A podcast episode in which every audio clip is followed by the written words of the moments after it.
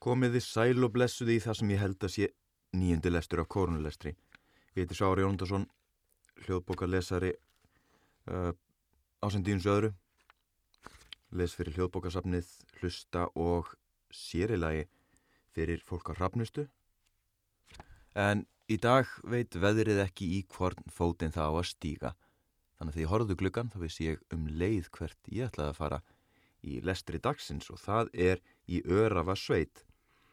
Þannig ég fann mér eh, árbók ferðarfélags Íslands frá árið 1979, uh, tekin saman eða rituð af Sigurði Björnssoni frá Kvískerum og Örafasveit er vel þekkt veður að víti, það getur líka verið indislegt veður þar. Oft gjör og lit veður, sikkorum megin við Örafajökul, hvortum hún sért austan við Nappavelli eða hinum megin við, skaftafelli til dæmis, oft gott veður þar. En uh, Já, við ætlum að hérna lesa upp úr ferða, árbók ferðarfélags Íslands frá 1979. Byrjum á formálunum. Þetta verður ekki lestur á allir í bókinni eins og ég hef marg oft tuggið ofan í ykkur að þessi korunulestur eru brot úr ímsum áhugaverðum ritum frá ímsum ólíku tímum og ég vil náttúrulega þakka sérstaklega ferðarfélagi Ísland því að þau veittu mér góðfúslega leifi fyrir því að lesa upp úr árbókum ferðarfélags Íslands. Annars þarf maður að finna sér efni sem er já, 70 ár liðin frá andláti höfundar eða þýðenda þannig að það var mikil, já, það var mikil blessun að fá þeirra leifi að glukka í þessu miklu fjársjóðskistu íslensks fróðleiksum landslag, náttúru, sögu og bara jarfræða og svo mætti lengi telja. Formáli Fyrir fáum árum kom Haraldur Sigursson, bókavörður, að máli við mig og fór þess á leit að ég skrifaði um örafinn fyrir ferðarfélag Íslands. Það varð úr að ég skrifaði lýsingu sveitarinnar og sendi Haraldur Sigurssoni. Ekki varð þó af að árbókin yrði á því ári gefin út með því efni sem ráðgert hafi verið. En ég var beðin að bæta við einhverjum sem er virtist ega heim í árbókinni og var um leið bent á nokkra þætti sem nöðsynlegt væri að taka með. Bætti ég þá all miklu við, meðal annars þættum ferð Hannesa frá Núpstad vestur yfir skeiðar ár jökul. Af þessum sögum varð handritið nokkuð ósamstætt. Ég efast ekki um að margt mætti betur fara í því sem hér er sett á blað og vænti þess ekki að mér hafi tekist svo að hverkis ég villu að finna enda getur stundu verið erfitt að meta heimildir. Hvort heldur ritaðar eða munlegar. Sem dæmi skal ég nefnað, ég hef, orðið þess var að nöfn og korti herfóringjar áðsins eru ekki öll á réttum stöðum og setni kortum hefur það lítið lagast. Um munlegar heimildir get ég nefnt. Í Ingólshauða er um það bil mannhæðar há varða sem sínilega hefur verið rifið ofana fyrir löngu. Hér í sveit var ekki efast um að þessi varða hefði verið hlaðin fyrir Björn Gunnlaugsson vegna mælinga hans en í landfræðisögu Þorvaldar Tórótsen er þess getið að Davíð Jónsson, Mála Davíð, hafi hlaði vörðuna áður en strandmælingarnar voru gerðar hér árið 1813. Varðan var þó ekki á réttum stað og því rifið ofanæðinni og önnur reist úr nöstnum á þeim stað sem landmanningamerkið er nú. Sérst enn hvar nöysarnir voru teknir. Að endingu vil ég þakka Páli Jónssoni sem valið hefur myndirnar og þó sérstaklega Haraldi Sigurssoni sem velritaði handritið, raðaði efninu sem í þáttónum var og færði sumt til betri vegar. Sigurður Björnsson. Svo eru fá einn orð frá reitstjóra, það er uh, hann Pál Jónsson og hann tekur fram að Sigurður Björnsson er fættur og uppalinn í örafum og hefur alltaf átt heima á kvískerum sem er austasti bær þær í beigð. Já, hann er væga sagt vel kunnur sveitinni og bræður hans sem að ég kynntist fyrir um 15 árum síðan, Helgi og Haldán, en þeir eru nú báður látnir blæsaður. Síðustu bræðurnir af sískin og hópi frá kvískerum að þeir voru sömulegis alveg gríðarlega fróðir um sína sveit og ég hef sjaldan hitt bara jafnmikla ég hugsuði vísindamenn, það er erfitt að skilgrina á, en þeir eru alveg einstakir, vísindamenn, fróðulegsfúsir einstaklingar sem eru bókstala sjálfmentaðir og mér langar bara til að segja, ég snillingar á sínu sviðum. Þeir eru alveg, e, e, voru, eru einstakir. En ég kynntist ekki honu Sigurði. Hefst þá læsturinn. Fyrsti kabli, engangur. Örafi er öfugt nafn á þér sveitin fríða, þú átt fagurt fjallasapn og frjóar lendur víða. Svo hvað Eymundur Jónsson í Dilksnesi. Á setni árum hafa margir tekið undir fyrstu ljóðlínuna en um leið mynd á að eins mætti kenna sveitina við tilkomu mikil fjöll og frjóar lendur eins og Eymundur bendir á. Öravingar munu þó fyrstum sinn varla leggja til að nafni sveitarnar verði breytt, enda á hún innan takmarka sinna staði sem réttlata nafnið, þó að orðið sé ekki notaði merkingunni hafnleisa eins og í konungs skugg sjá og víðar í fórnum rítum og sumir vilja meina að orðið þýði. Sveitin er næri 60 km frá austri til vesturs, miða við loftlínu, og næri 40 km frá sjó að jökli, þar sem lengst er. Miða við veginn er þó sveitin drjúum lengri því að tæpir 50 km er á milli austasta og vestasta bæjar, kvískerja og hæða í skaftafelli. Frá kvískerjum að jökulsá eru 17 km og meir en 20 frá skaftafelli að síslu mörgum. Alls er því leiðin rúmir 84 kílometrar. Þetta er því stort svæði og þar er mikla fjölbreytna að finna. Skeiðarár sandur er rúmir 600 ferkilometrar vestur að síslu mörgum og þó nú sé þar all mikill gróður á köplum eru víðáttu mikil svæði með öllu gróður laus. Breiðamerkur sandur er miklum mun minni að flatarmáli en skeiðar á sandur og meira gróin svo nú er aðeins lítill hluti hans gróður laus. Á fyrir hluti aldarinnar voru það stór svæði ógróin þótt nokkur gróður væri þar á köplum. Í miðri sveit er örafa jökull og liggur byggðin í halv ring um hverjus hann. Hann er langstasta eldfjall landsins, 370 rúmkilometrar að rúmmáli eða fjórum og halvum sinu stærri en snæfilsjökull sem gengur honum næst og hann nær mestri hæð allra frónskara fjalla 2119 metra. Ég ætla að skjóta henni inn í, ég, ég uh, flett upp á þann þessa, þessu rúmmáli og það stennstist. Því lík starð, því lík starð, þetta er bara eiginlega, ég klóra mig svolítið í höstnum, en þarna er þetta. Staðfest ég flett upp á stjórnufræðvefnum, afsakið þetta, mér fannst bara merkilegt hvað þetta var stórt eldfjall og þetta er næst stærsta virka eldfjall í heimi eftir etnu, skilst mér. Áfram með lesturinn. Þessari hæð hefur hann náð vegna þess að hann hlóðst upp á Ísöld og hinn geysi þykki jökulsköldur söður landsins varnaði því að góðsemnin dreifðust til allra hliða og komu honum í þessa hæð. Frá örafi jökli ganga nokkri skriðjöklar um fjallaskörð, niður að eða niður á slett lendið. Undan þeim koma jökul ár sem að minnstakosti á síðastliðinu öld og fram á þessa, allu miklum skemdum og umhverfi sínu. Fjallið Örafajökull er að mestu leiti úr líparíti og er í núverandi mynd varla meira en hálrar miljónar ára gamalt en hefur hlaðist upp á rústum eldri eldfjalla. Í undurfjallum jökulsins er víða móberg og sumstaðar eru basalt klettar. Víða má sjá að basalt lögunum hallar inn til landsins þó efstu lögunum halli jafnan frá jöklinum. Þarna eru mismunandi gamalt berg að ræða. Það sem hallar inn til landsins er hátt í einnar miljón ára gamalt eða alveg það hitt er yngra. Það elsta getur verið alltaf eða meira enn 750.000 ára en megin hlutin er yngri, jafnvel minna enn 500.000 ára.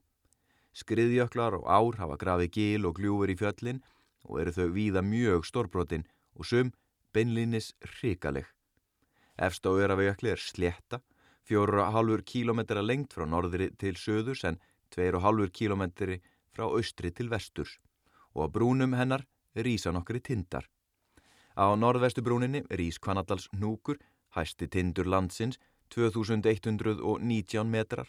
Á austubrúninni er Sveinstindur en hann skortir 75 metra á hæðina til þess að jafnast á við Kvanadals núk. Suður brúnin skartar tveim tindum nokkru læri, hnapp, 1851 metri og rótar fjalls njúk, 1848 metrar.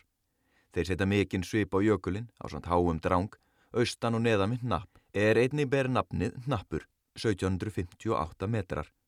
Slettan uppi á Jörafajökli er askja, fyllt jökli, en um skörði börmum hennar falla skriðjöklar og eru þeirra mestir, svínafells, virkis, fall, kvíjar og fjallsjöklar. En Skaftafellsjökull kemur að mestum hluta frá megin skildi vatnajökuls. Þetta afrensli veldur því að slettan á hájöklunum helst nokkur veginn í sömu hæð þó að sífelt bætist á hana. Engar mælingar hafa verið gerðar á þygt ísins í öskunni og verður því ekkert um það sagt hver djúb hún er. Engin veit heldur hvernig gós af að haga sér í þessum gíg, en víst er að síðasta gós kom miklu neðar úr fjallinu.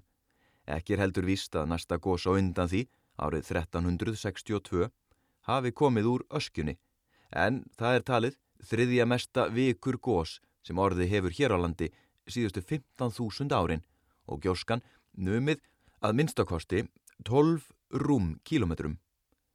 Ummerki þessa gós setja enn svip á suma staði í örafum. Víða má sjá skabla af hvítum grófum vikri og víðaskvar er all þygt vikur lag undir grassverðinum þótt það sé óvíða 5 metra þygt eins og sumstaðar í austanverðir sveitinni en þar hefur vikurinn borist fram á slettlendið ofan og fjöllunum með ám og vindum. Uppi við jökulinn eru víða mjög þykir vikur skablar sem bera með sér að þeir hafa myndast meðan á gósinu stóð. Sumir steinarnir hafa verið alltaf 80 cm í þvermál þegar þeir fjallu, en eru nú flestnir sprungnir og dotnir í móla. Gósið verist hafa orðið að vorlægi, eða snemma sumars, því að enn eru fórnir hjarn skablar undir sumum vikur fennunum á þessum slóðum, þar sem snjó tekur nú upp á hverju sumri. Gósið allir því að sveitin misti sitt stolta nafn hérað og nefnist síðan örafi. Neðan við hábrún jökulsins rýsa nokkrir áberandi tindar upp úr hjarninu og verður gerð grein fyrir þeim síðar. Eins og áður var að vikið eru undir fjöll Örafajökuls nokkuð sundur leit og gætir þess bæðu um gerð fjallana og gróður far. Öll eru þau að sjálfsögðu gróður lítil uppi við snælinu og er þar þó víða meiri gróður en ætla mætti en það nær gróður hverki meiri hæð hérlendis en í sumum hömrum Örafajökuls. Þegar neðar kemur eru ímist misjaflega grónir klettar og skriður eða grónar hlýðar, en líka eru þar stór grítir og til að sjá næri gróðurlausir ásar. Í skaftafelli, svínafelli og sandfells heiði eru neðstu hlýðarnar vaksnar byrki skógi og svo er einnið að nokkuru á kvískerjum, en á hnappauðlum eru nú aðeins litlar skóar leifar. Þegar niður fyrir fjallin kemur er landið ekki síður markbreytilegt. Víðast er það að einhverju leiti myndað af árframburði og næst ánum er lítill gróður. Svo er einnu um stort svæði, millir sandfells og hofs, sem myndast hefur við hlaup úr örafa jökli. Þegar kemur nokkuð frá jöklunum, taka víðar við graskepnar mýrar, en á sömum þeirra ber lítið frá veginum. Frama við þær eru leirur og sandar sem vatn hefur oft flætt yfir, sérstaklega í skeiðar á hlaupum, en á síðar árum hafa þau svæði gróið talsvert upp. Framundan sveitinni svarrar brimið við sendnaströnd en á henni miðri rýs Ingólfshöðu og setur mikilúðlegan svipa útsýnið. Þótt hann skikki á nokkur hluta hafsins. Ingólfshöfði er klettur úr ungu basalti sem að minnst á kosta að vestanverðu liggur á Móbergi og er hömrum girtur allt í kring. Fært er þó uppgangandi mönnum á tveimur stöðum að norðanverðu og með hesta á einum stað að vestanverðu. Að sunnan og austan er standberg, 70 metra hátt, þar sem það er hæst en víðast allmiklu læra. Frá vestri til austurs er Ingólsöði, 1200 metrar, en 700 metrar frá norðri til söðurs. Höfðin er að mestu gróin að ofan. Að austan og sunnan likur sjór á honum, en vestan undir honum er afarstór sandalda sem Kongsalda heitir, en nafni mun ekki eldra en frá 17. öld. Í Ingóls höfða hefur verið fugglaveiði frá því sögur hófust og útræðir talið að hafi verið þaðan framundir 1700 en stópult eftir það. Þar hefur verið viti með gasljósum frá 1916 en var breytt í raflístan radiovita árið 1974. Sama ár var reistur þar stefnuviti fyrir flugumferð og Stein Súla með álitrun í minningu þess að þar kom Ingólur Arnason fyrsta landi þegar hann kom til þessa nema landið. Sitt hvoru megin sveitarnar tegja tveir af stærstu skriðjöklum landsins sem niður á sléttlendið, skeiðar á jökull að vestan og breyðar merkur jökull að austan. Skeiðaraugull kemur fram millir Eistrafjáls og Færines sem halda að honum til begja hliða. Framar breyðir hann all mikið úr sér þó að jæðar hans hafi stist mikið á setni árum. Undan honum koma þrjár stór ár. Súla, Gíu Kvísl og Skeiðará. Súla kemur undan jöklunu við Eistrafjall sem áður mun hafa heitið Súlufell og mun áinn upphaflega hafa heitið Súlu á. En áið fallið burt eftir að nafni á fjallinu breytist. Gíu Kvísl er samsat margra smá kvísla sem runnu fram sandin hér og hvar framundir miðja þessu öld. Rýrnun jökulsins veldu því að nú renna þar allar þar sem lægst er, því að við jökuljadarinn er miklu lægra en hinnar gömlu öldur framann jökulsins, þar sem hann lág langt fram á þessu öld. Skeiðará er mest þessara jökul vatna. Hún kemur upp undan austurtanga jökulsins fast við jökulfell og rennur þaðan þvert austur að skaftafells heiði. Þannig hefur hún runnið oftast frá 1784. Áður mun hún hafa komið upp all langt frá fjallinu og runnið fram hér um byl fjóra kílometra vestar en hún gerir nú, eða nálat því sem nú er brú á svo kallu sæluhúsa vatni. Í allar þessar ár koma hlaupin frá Grímsvötnum, en jafnan mest í skeiðar á. Fram á fjórðatug þessar aldar voru hlaupin meira á minna um allan sandin, brutu sér leið fram undan jökuljæðrinum á ymsum stöðum og urðu þar oft stór skörð í jökulbrúnina. Síðan 1938 hafa öll hlaup sem komið hafa komið um farfi í fljótana og því ekki valdi jafn miklum spjöllum og fyrir hlaup gerðu. Hinn síðari hlaup hafa staðið lengur yfir eða svo að vikum skiptir. Áður voru þau varla meir en vikuðar enna fram og fyrir kom að þau löku sér af á tveimur dögum. Sennilega er vassmagnið einni allt miklu minna en áður þó að meiru muni að líkindum hver lengur þau eru að renna fram. Breiðamerkur jökull skrýður fram millir breiðamerkur fjalls og fells fjalls og er raunar samruni þryggja jökull ströyma sem koma sittkorum einn esjufjalla og vestan við máa byðir. Mestur er austast í jökullin en hann kemur úr norrlinga lægð sem nær frá esjufjöllum að brúarjökli og er undirstaða jökulsins þar öll undir snælinu.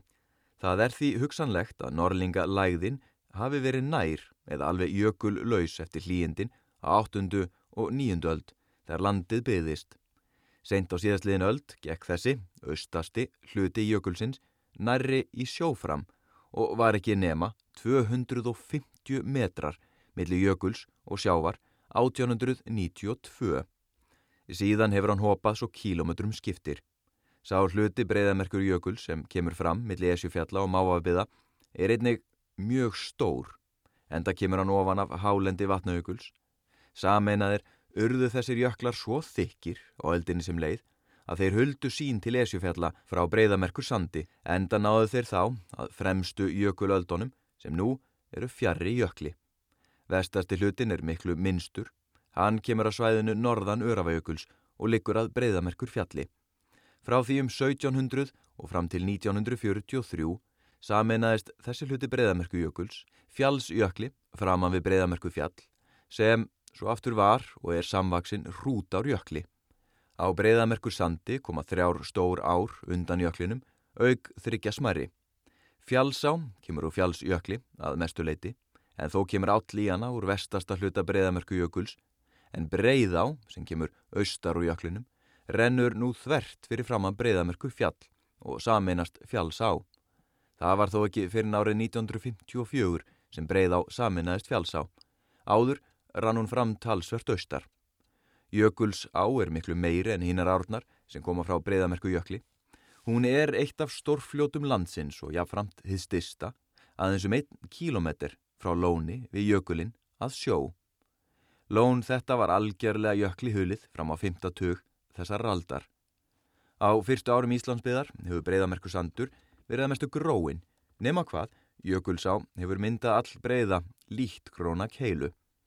Breyðamerkur jökull hlýtur þá að hafa verið minni en nú, en hver miklu munar verður nú varðla sagt með nokkur vissu og raunar tæplega með skinsamlum rökum.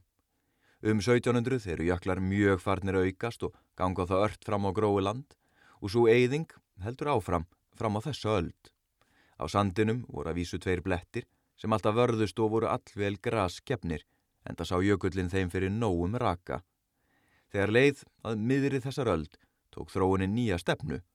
Áður skiptu árnar oft um farvegi svo gróður hafði engan frið til þess að festa rætur. En nú, síðan jöklarnir fóru að hopa í stað þess að ganga fram, færðust árnar minna til og tóka saminast. Við þetta sköpuðust skilirið fyrir gróðurna nema landan í. Nú er komin gróður um allan breyðamerku sand að auðrónum við árnar undan skildum. En grasblettirnir, sem fyrir voru, hafa þornað og rýrnað þegar rakans frá jöklunum gætti ekki lengur. Annar staðar er að myndast mýrar, meiri að víðáttu en þessir blettir voru. Af því sem hér hefur verið sagt má ljóst vera að sveitin ber tilsýndar sterkan sveip og nokkuð hrjúvan fremur en mildan. Flestum mun þó finnast sveipmótið tignarlegt og munu sannmæli orð profesors Sigurðar Þórainssonar að stórleikur landskaparins er hverki meiri. Þetta var fyrsti kapli. Það bara flýgur svo margt um huga mér. Við lestur, lesturinn á þessari árbók. Og hann naturlega, hann Sigurður getur sagt frá þúsundu hluta sem og hann gerir í þessari árbók. En það bara kveikn upp alls konar minningar af mér. Ég hef mikið verið í örafum sérstaklega í tengslum við uh, ljósmyndun á jöklum. Og það var svo skemmtilegt að ég kynntist manni frá bandaríkjanum James Baylock hérna árið 2003 eða 4 og hefur unni með hann síðan svona slitrótt við ljósmyndun og, á jöklum og að fylgja eftir þess að skrásetja hóp þeirra með myndaðlum sem taka myndir á klukkstundafresti og um nokkur ára skeið þá myndum við jökla uh, fyrir austan í örafum, Svínafellsjökul og já, Svínafellsjökull. Við reynda bindu sjónum okkar og nokkur möðurum en helst var það Svínafellsjökull. Og svo þetta eins og ég sagði ég kynntist Helga Haldán kvískjarsbræðurum sem eftir voru árið 2005-06 dvaldi oft hjá þenn í kvöldmatt og, og kíkti við og spjalluði mikið og ég man að hann Haldán að fóð með mér upp í brekkuinn og síndi mér mjög sjálfgefa villirós, alparós eða villirós sem, sem vex aðna í hlýðunum og er alveg einstatt fyrir bara Íslandi. Og ég næstu í fæ gæsóða að hugsa um að hafa settið þarna í eldúsinu með að borða fiskveitan á svæðinu og að borða með nývapörum sem að voru eiginlega bara goss úr skipströndum því að þeir fóru oftnir á fjörur bræðunir og meðaleg magnaðar hjólpuru, það var hjólpuru sem hann Helgi hannaði, Helgi var bara einn merkastu uppfinningamæður sem ég hef hitt, svona verkfræðingur uppfinningamæður og hann hafði hann að hjólpurur sem voru þannig að það var svona uh, svona gummi já gummi hjól eins og er á á hérna litlum trillum á, á bátum.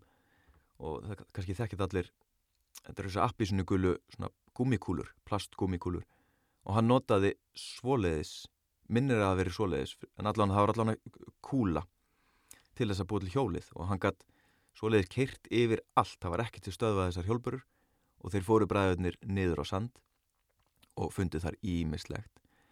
Og náttúrulega skip skaði sem eru orðið við söðuströndina í gegnum aldirnar næri náttúrulega langt, langt aftur í aldir og það eru auðvitað frægast er náttúrulega þetta fræga gullskip, uh, hvað hétta? Hett van Amsterdam, strandaði 1667, var á siglingu frá Austur-Indíu. Á þessu augabræði en... Uh, það var fræga skipi frá Hollandi sem átti að hafa mik mik mikla dýrgripu og hefur verið leitað mikið að en ég geti haldið áfram enda allavega þó nokkuð lengi að rífi upp minningar mínar uh, að veru í örafum og mun kannski skjóta inn í svona hinn og þessu bara algjöri eigingirni fyrir sjálf mig. Að fá að endur upplifa þessu augnablík og sem leðsögum að þeir hefur náttúrulega oft, oft, oft átt leiðum og dvalið í örafum. Þannig að bara indislu staðu til að vera. Ég fara að nefnum að taka upp útastætti taka ljósmyndir, með erlendu ferðamönnum og þetta er staði sem ég þykki mjög væntum og svo á ég vini sem hafa unnið þarna mjög mikið sem, sem leðsögumenn og verið jökla leðsögumenn á svæðinu og, og bara búið þarna og náttúrulega fólk sem býr þarna líka byggir upp áhugaverð og sterk ferðarþjónustu fyrirtæki og maður auðvitað sendið þeim bara öllum hlýjar og kærar kveðjur á þessum erfiðu tímum þegar ferðarþjónustan eins og margir aðrir bransar bara eru núna algjörlega stopp. En við höldum áfram lestri og förum yfir í annan kapla sem er lífríki örafa. Föglalíf Fuglalíf er all fjölbreytt í örafum en hefur tekið nokkrum breytingum á þessar öld. Framan af öldinni var mikið af veiðibjöllu á breyðamerku sandi en henni hefur fækkað mjög á setni árum. Kjóar eru algengir. Sá fugl sem mesta aðtikli vekur er skúmurinn. Aðal heimkinn hans á norður kvili jarðar eru á breyðamerku sandi og skeiðar á sandi og all breyðu belti á lálendunum millir þeirra. Sumstaðar hefur skúm fjölgað nokkuð á setni árum en ekki er fullvíst hvorkum fjölgun stoppsins er að ræða eða tilfærslu á varp stöðum. Skúmurinn ver eksin og unga af miklu harð fylgi og högg hans eru bísna hörð og jafnvel hættuleg. Hann virðist lifa mest á fiski fangi en sumir einstaklingar hafa þó tekið upp á því að drepa aðra fuggla sér til matar og eru þeir hinn er mestu vargar öðrum fugglastofnum. Meðal annara hefur fyllin goldið þess töluvert en honum fer fjölgandi á setni áratugum og hefur nú aðsetur í flestum klettum þar sem hann finnur sér varp stað. Mart er hér um grágæsir en aðra gæsategundir, blesgæs, heiðagæs og helsingi fara hér um á leið til varpstöða. Helsingjar koma hér einni við á leið frá varpstöðanum en nokkuð er mismunandi hver lengi þeir dvelja hér og fjöldin ekki hins sami frá ári til árs. Ímsar andategundir sjást hér, en ekki verpa þær að ráði, nema stokkond og urtönd. Tjaldur og stelkur námu hér land nálat meðri síðustu öld og spóar verpa nú á stöðum þar sem þeir sáust varla framann af öldinni, en þeir hafa alltaf verið algengir varpfuglar víða í sveitinni. Talsvert er af óðinsönum og þórsanar hafa orpið hér, en ekki margir. Heiðlór, sandlór, lóuþrælar og sendlingar eru hér varpfuglar. Tildrur, rauðbristingar og sanderlur fara hérum á leið til og frá varpstöðum. Í Ingólshauða eru langvíur, álkur, lundar, rítur, sæsvölur og stormsvölur. Talsvert er um skóarþresti, steindepla, marju, erlur, þúfutitlinga og snjótitlinga að óglemdum músarindlinum sem eru öðrum ólastuðum bestu söngfuglarnir á þessum slóðum. Aug þessara fugla koma flest höst ímsir flækingar, gráhægrar, svartrestir og fjallfingur mega heita árvisir gestir, einni löfsöngvari og gransöngvari, gráþrestir, söngþrestir og lævirkjar koma einni oft og einn næturgali hefur náðust.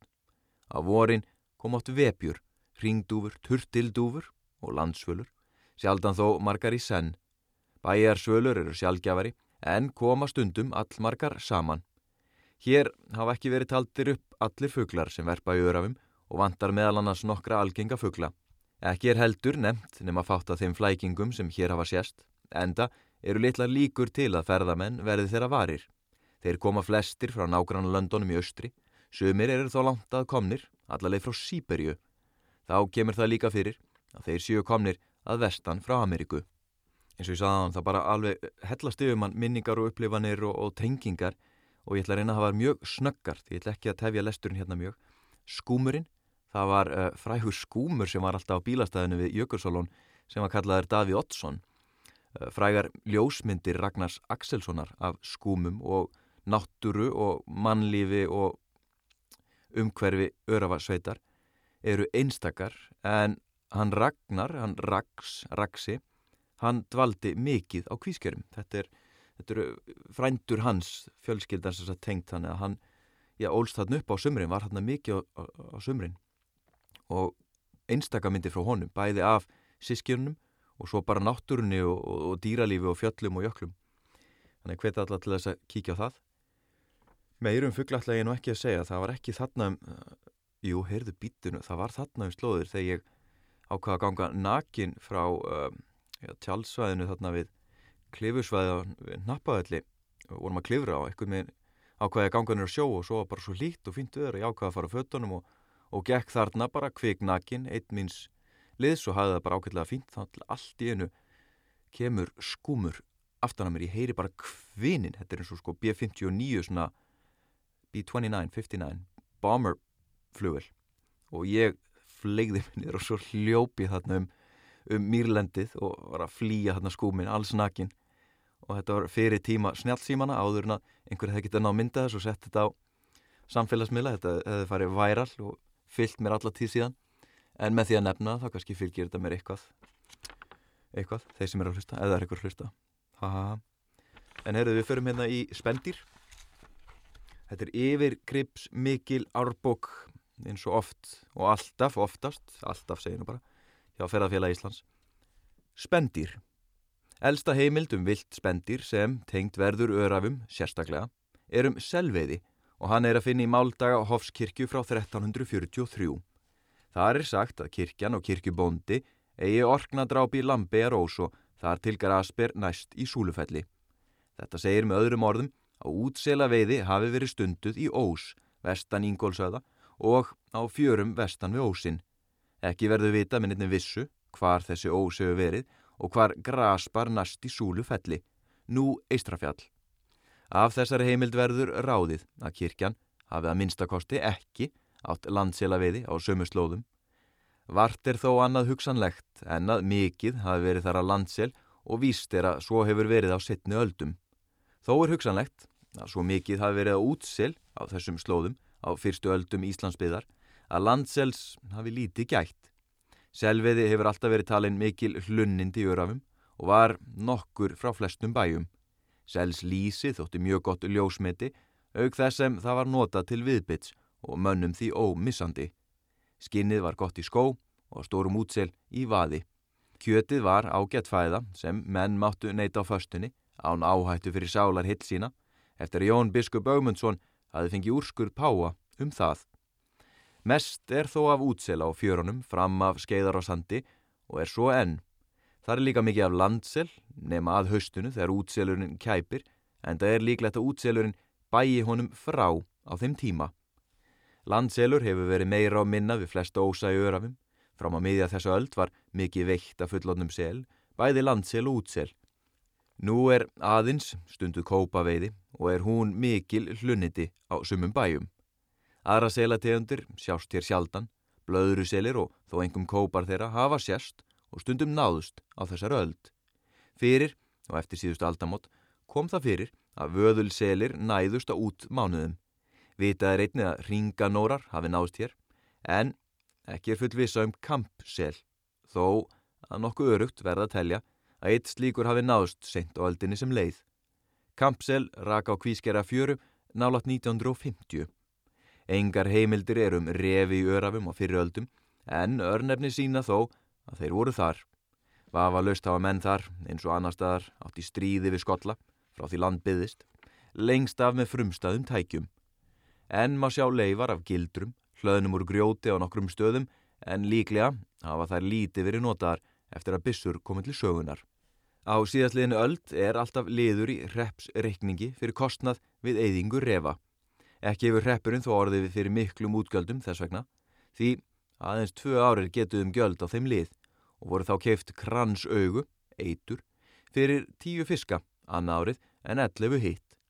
Þó er vitað, á sama tíma veitum en refi bæði við gren og á víða vangi. Og örugarsagnir er um, á sumum bæjum, voru góðir dýr hundar og með þeirra hjálp náðu sumir allmörgum tófum. Ekki munu þó að fundist gren í sveitinni frá því nokkur eftir miðja síðustu öld, 1860 til 1870 og fram til 1936 en hlaupa tófur sáust hóst einstöku sinnum. Talið er að hundafár hafi fækkað svo stopninum að hann þóldi ekki veiðarnar. Um 1936 fór aftur að bera á refum í sveitinni og fór þeim öll fjölgandi á næstu árum, trátt verið mikla eitrun og all mikla grenja vinslu. En eftir að menn fengu góða rifla, mátti heitað refir væri varna lausir. Fækkaði þeim þá fljótt og eru nú all mörg ár síðan vart hefur orðið við gren. Fyrstu árin eftir 1936 var þið lítið vart við móruð dýr, en þeim fjölgaði stöðugt hlutfarslega og á síðust áránum, sem grein voru unnin, varð ekki vart kvítra dýra. Ef til vill hefur stopnin ræktast þannig vegna þess að hægara var að sjá kvítudýrin þegar jörð var auð og þau því auðveldra skotmark. Þess er getið í sumum rítum að kettir og mís þrýfist ekki í örafum. Ekki er það lengur rétt, því að mís kom í sveitina upp úr 1960 og breytust fljótt út. Ekki beru öðru en að kettir þrýfist vel, höfðu jafnvel gert það á einu heimili nokkru áður en músa varð vart. Því miður eru yngar heimildur um útbreyslu músa fyrir á tímum og óvist er að þær hafi verið mjög lengi um land allt. Sagnir benda jafnvel til að þar hafi ekki komið austur skaftafellsíslu fyrir ná síðust liðin öld. Varðla verður þó mikið lagt upp úr því að Gert Ólásson getur þeirra ekki á Östurlandi.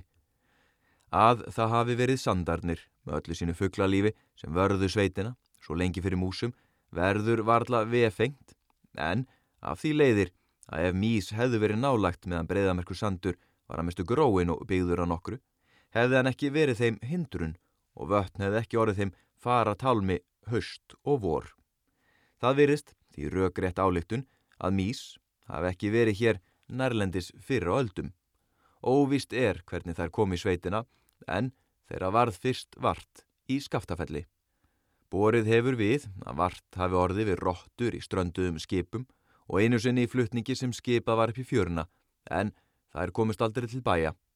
Á senust árum, eftir 1970, hefur öðru kóru orði vart við för eftir minka en minkagrein hefur aldrei fundist.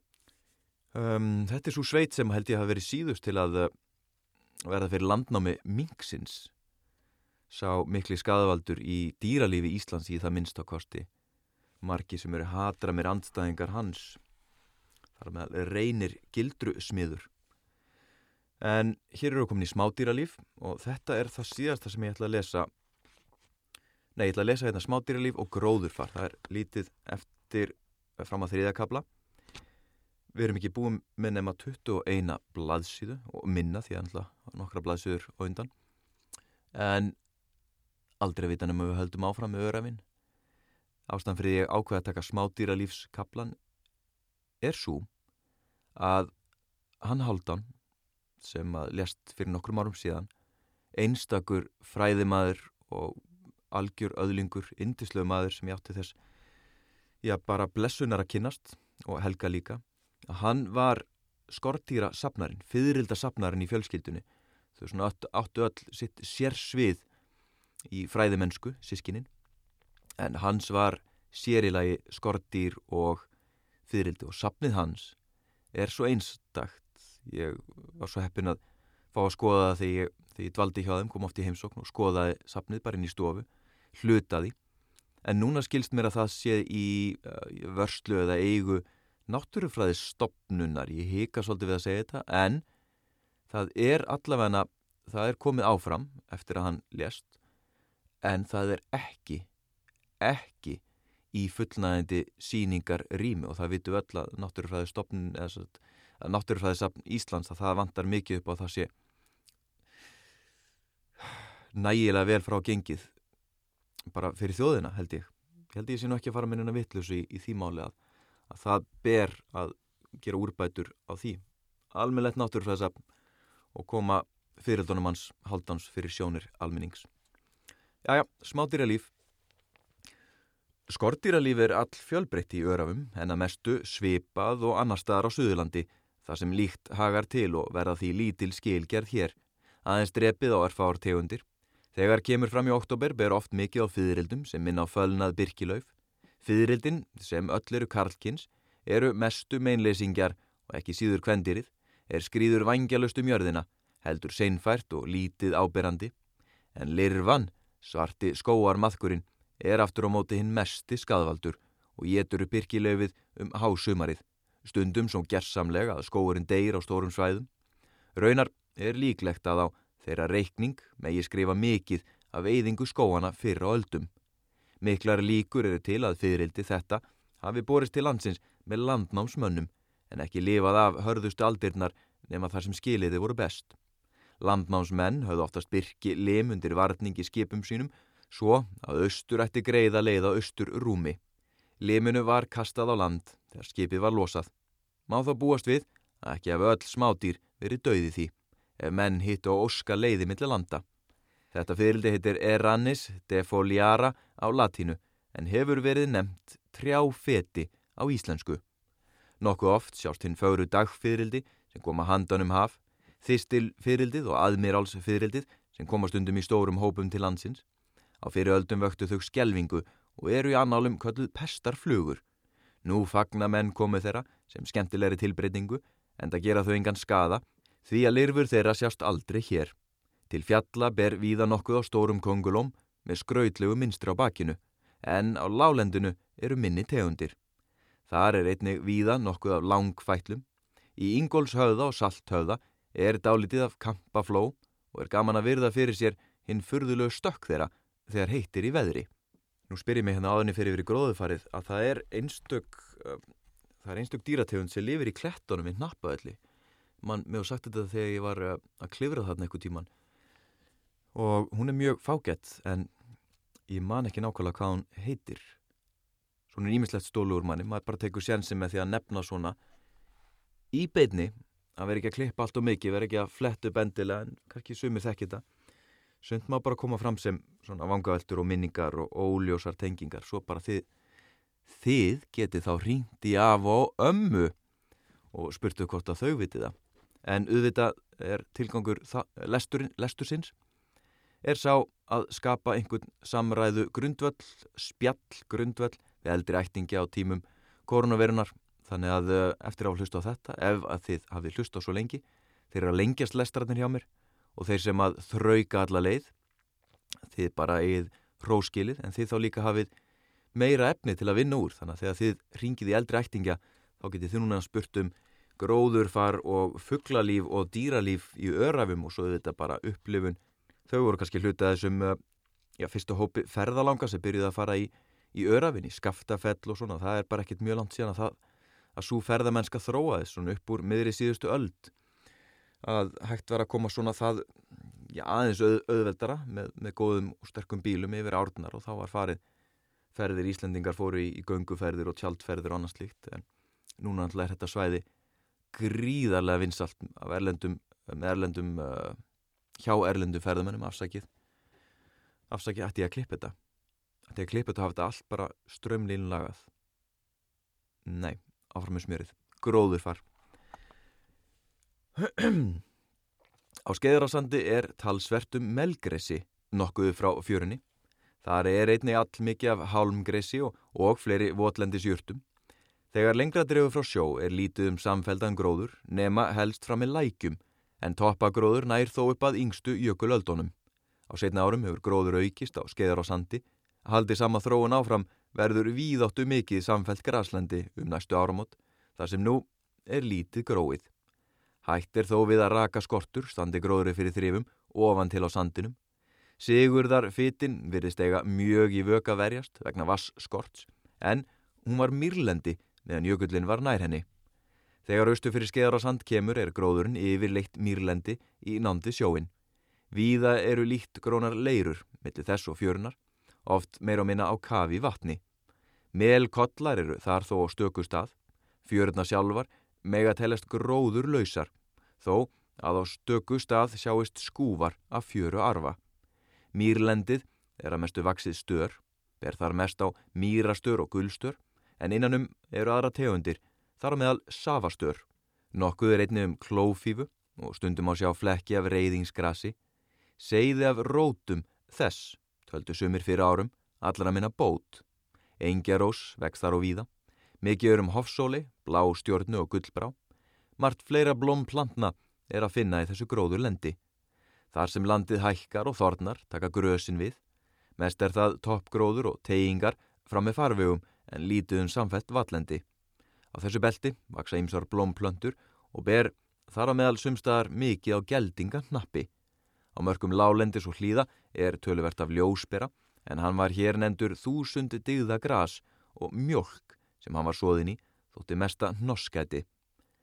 Hlýðarnar eru misjaflega grónar, víða er þar talsverður grasvöxtur og á innbæjónum, skaftafelli, svínafelli og að nokkru í sandfelli eru hlýðarnar þaktar byrki skógi. Sama er að segja um hlýðarnar á kvískerum. Í hlýðunum er víða mikið blómskrúð, austur landsblómin, bláklukka, Gullsteinsbrjótur og klettafrú er ábyrjandi í klettunum.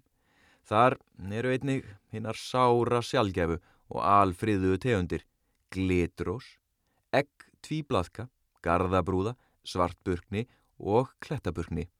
Sumar þessa tegundir hafa ekki fundist utan örafa og vaksa þar á mjög takmörkuðum svæðum. Þegar hærra kemur upp er lítið um samfeldan gróður en fjalla, foksgrass, lógressi og fleiri hálendisjörtir tegja sér þó upp undir snælinu að óglemdri jökla sóli og nokkrum steinbrjóts tegundum. Á setna árum hefur gróður aukist mjög örafum. Á lálendi eru við að myndast mýrar, þar sem áður var gróðu laust. Gróðuraukningin til fjalla er ekki jafn augljós, en þó er hún veruleg. Þetta var sem sagt uh, gliturós sem að ég var að tala um að hann Haldón hefði sínt mér í kvískerum einni heimsókminni þangað og já, hvað er mér átt að segja? Þetta er eins og ég segi ringið eldri ættingja. Ringið og spjalluð um gróðurfar. Spyrjuðu hvort að þau uh, hafið séð skógin sem er að vaksa upp á skeðrásandi einstakur byrkiskóur talinn komin uh, allarlegur bæjarstaðaskógi. Frægin blási þaðan og bara minningar þeirra og upplifanir og það er ímislegt þaðan að segja. Þarna frægasti brennuvarkur Íslandsögunar uh, Flósi frá Svínafelli og einstaklega margar og bara skemmtilega sögur eins og frá öllum sveitum landsins. Ég ætla ekki að, að uh, gera öðrafanum eitthvað mikið herrundur höfði en öðrum. En þó einstaklega merkileg sveit og þetta er svona eina af þessu sveitum sem að einhver meðan allir landsmenn kannast við eða þekkja af einhverju afspurn. Þetta var einangraðasta sveit landsins um landskeið út af jökul ánum áður en þar voru brúaðar. Og já, bara einstakt, ég meina Örafjökul, það mun allir eftir náttúrulega hristingi þar og fólk skítrætt við að hann gjósi og, og réttilega. En jöklarni þarna, stærsti jökull Európu, þetta er náttúrulega bara einstakt, einstakt, einstakt landsvæði. En ég ætla ekki að hafa þetta lengra, ringið í af og ömmu, frændur eða frængur og spjalliði bara svolítið um eitthvað tengt þessu eða ekki. En þetta er allavega tilrönd til að spjallum eitthvað annað heldur en uh, þið vitið, þið vitið hvað Þegar ég þakka fyrir mig Svavar Jóndarsson er búin að lesa fyrir ykkur hérna á mánudas eftir miðdegi og ég ósku ykkur bara góðra daga framöndan og farið valið að þóðu ykkur um hendur haldið þeirri fjarlæð sem mælstir til og bara hlökku til sumarsins og páskan og svo líka og bara alls. Hlökku til lífsins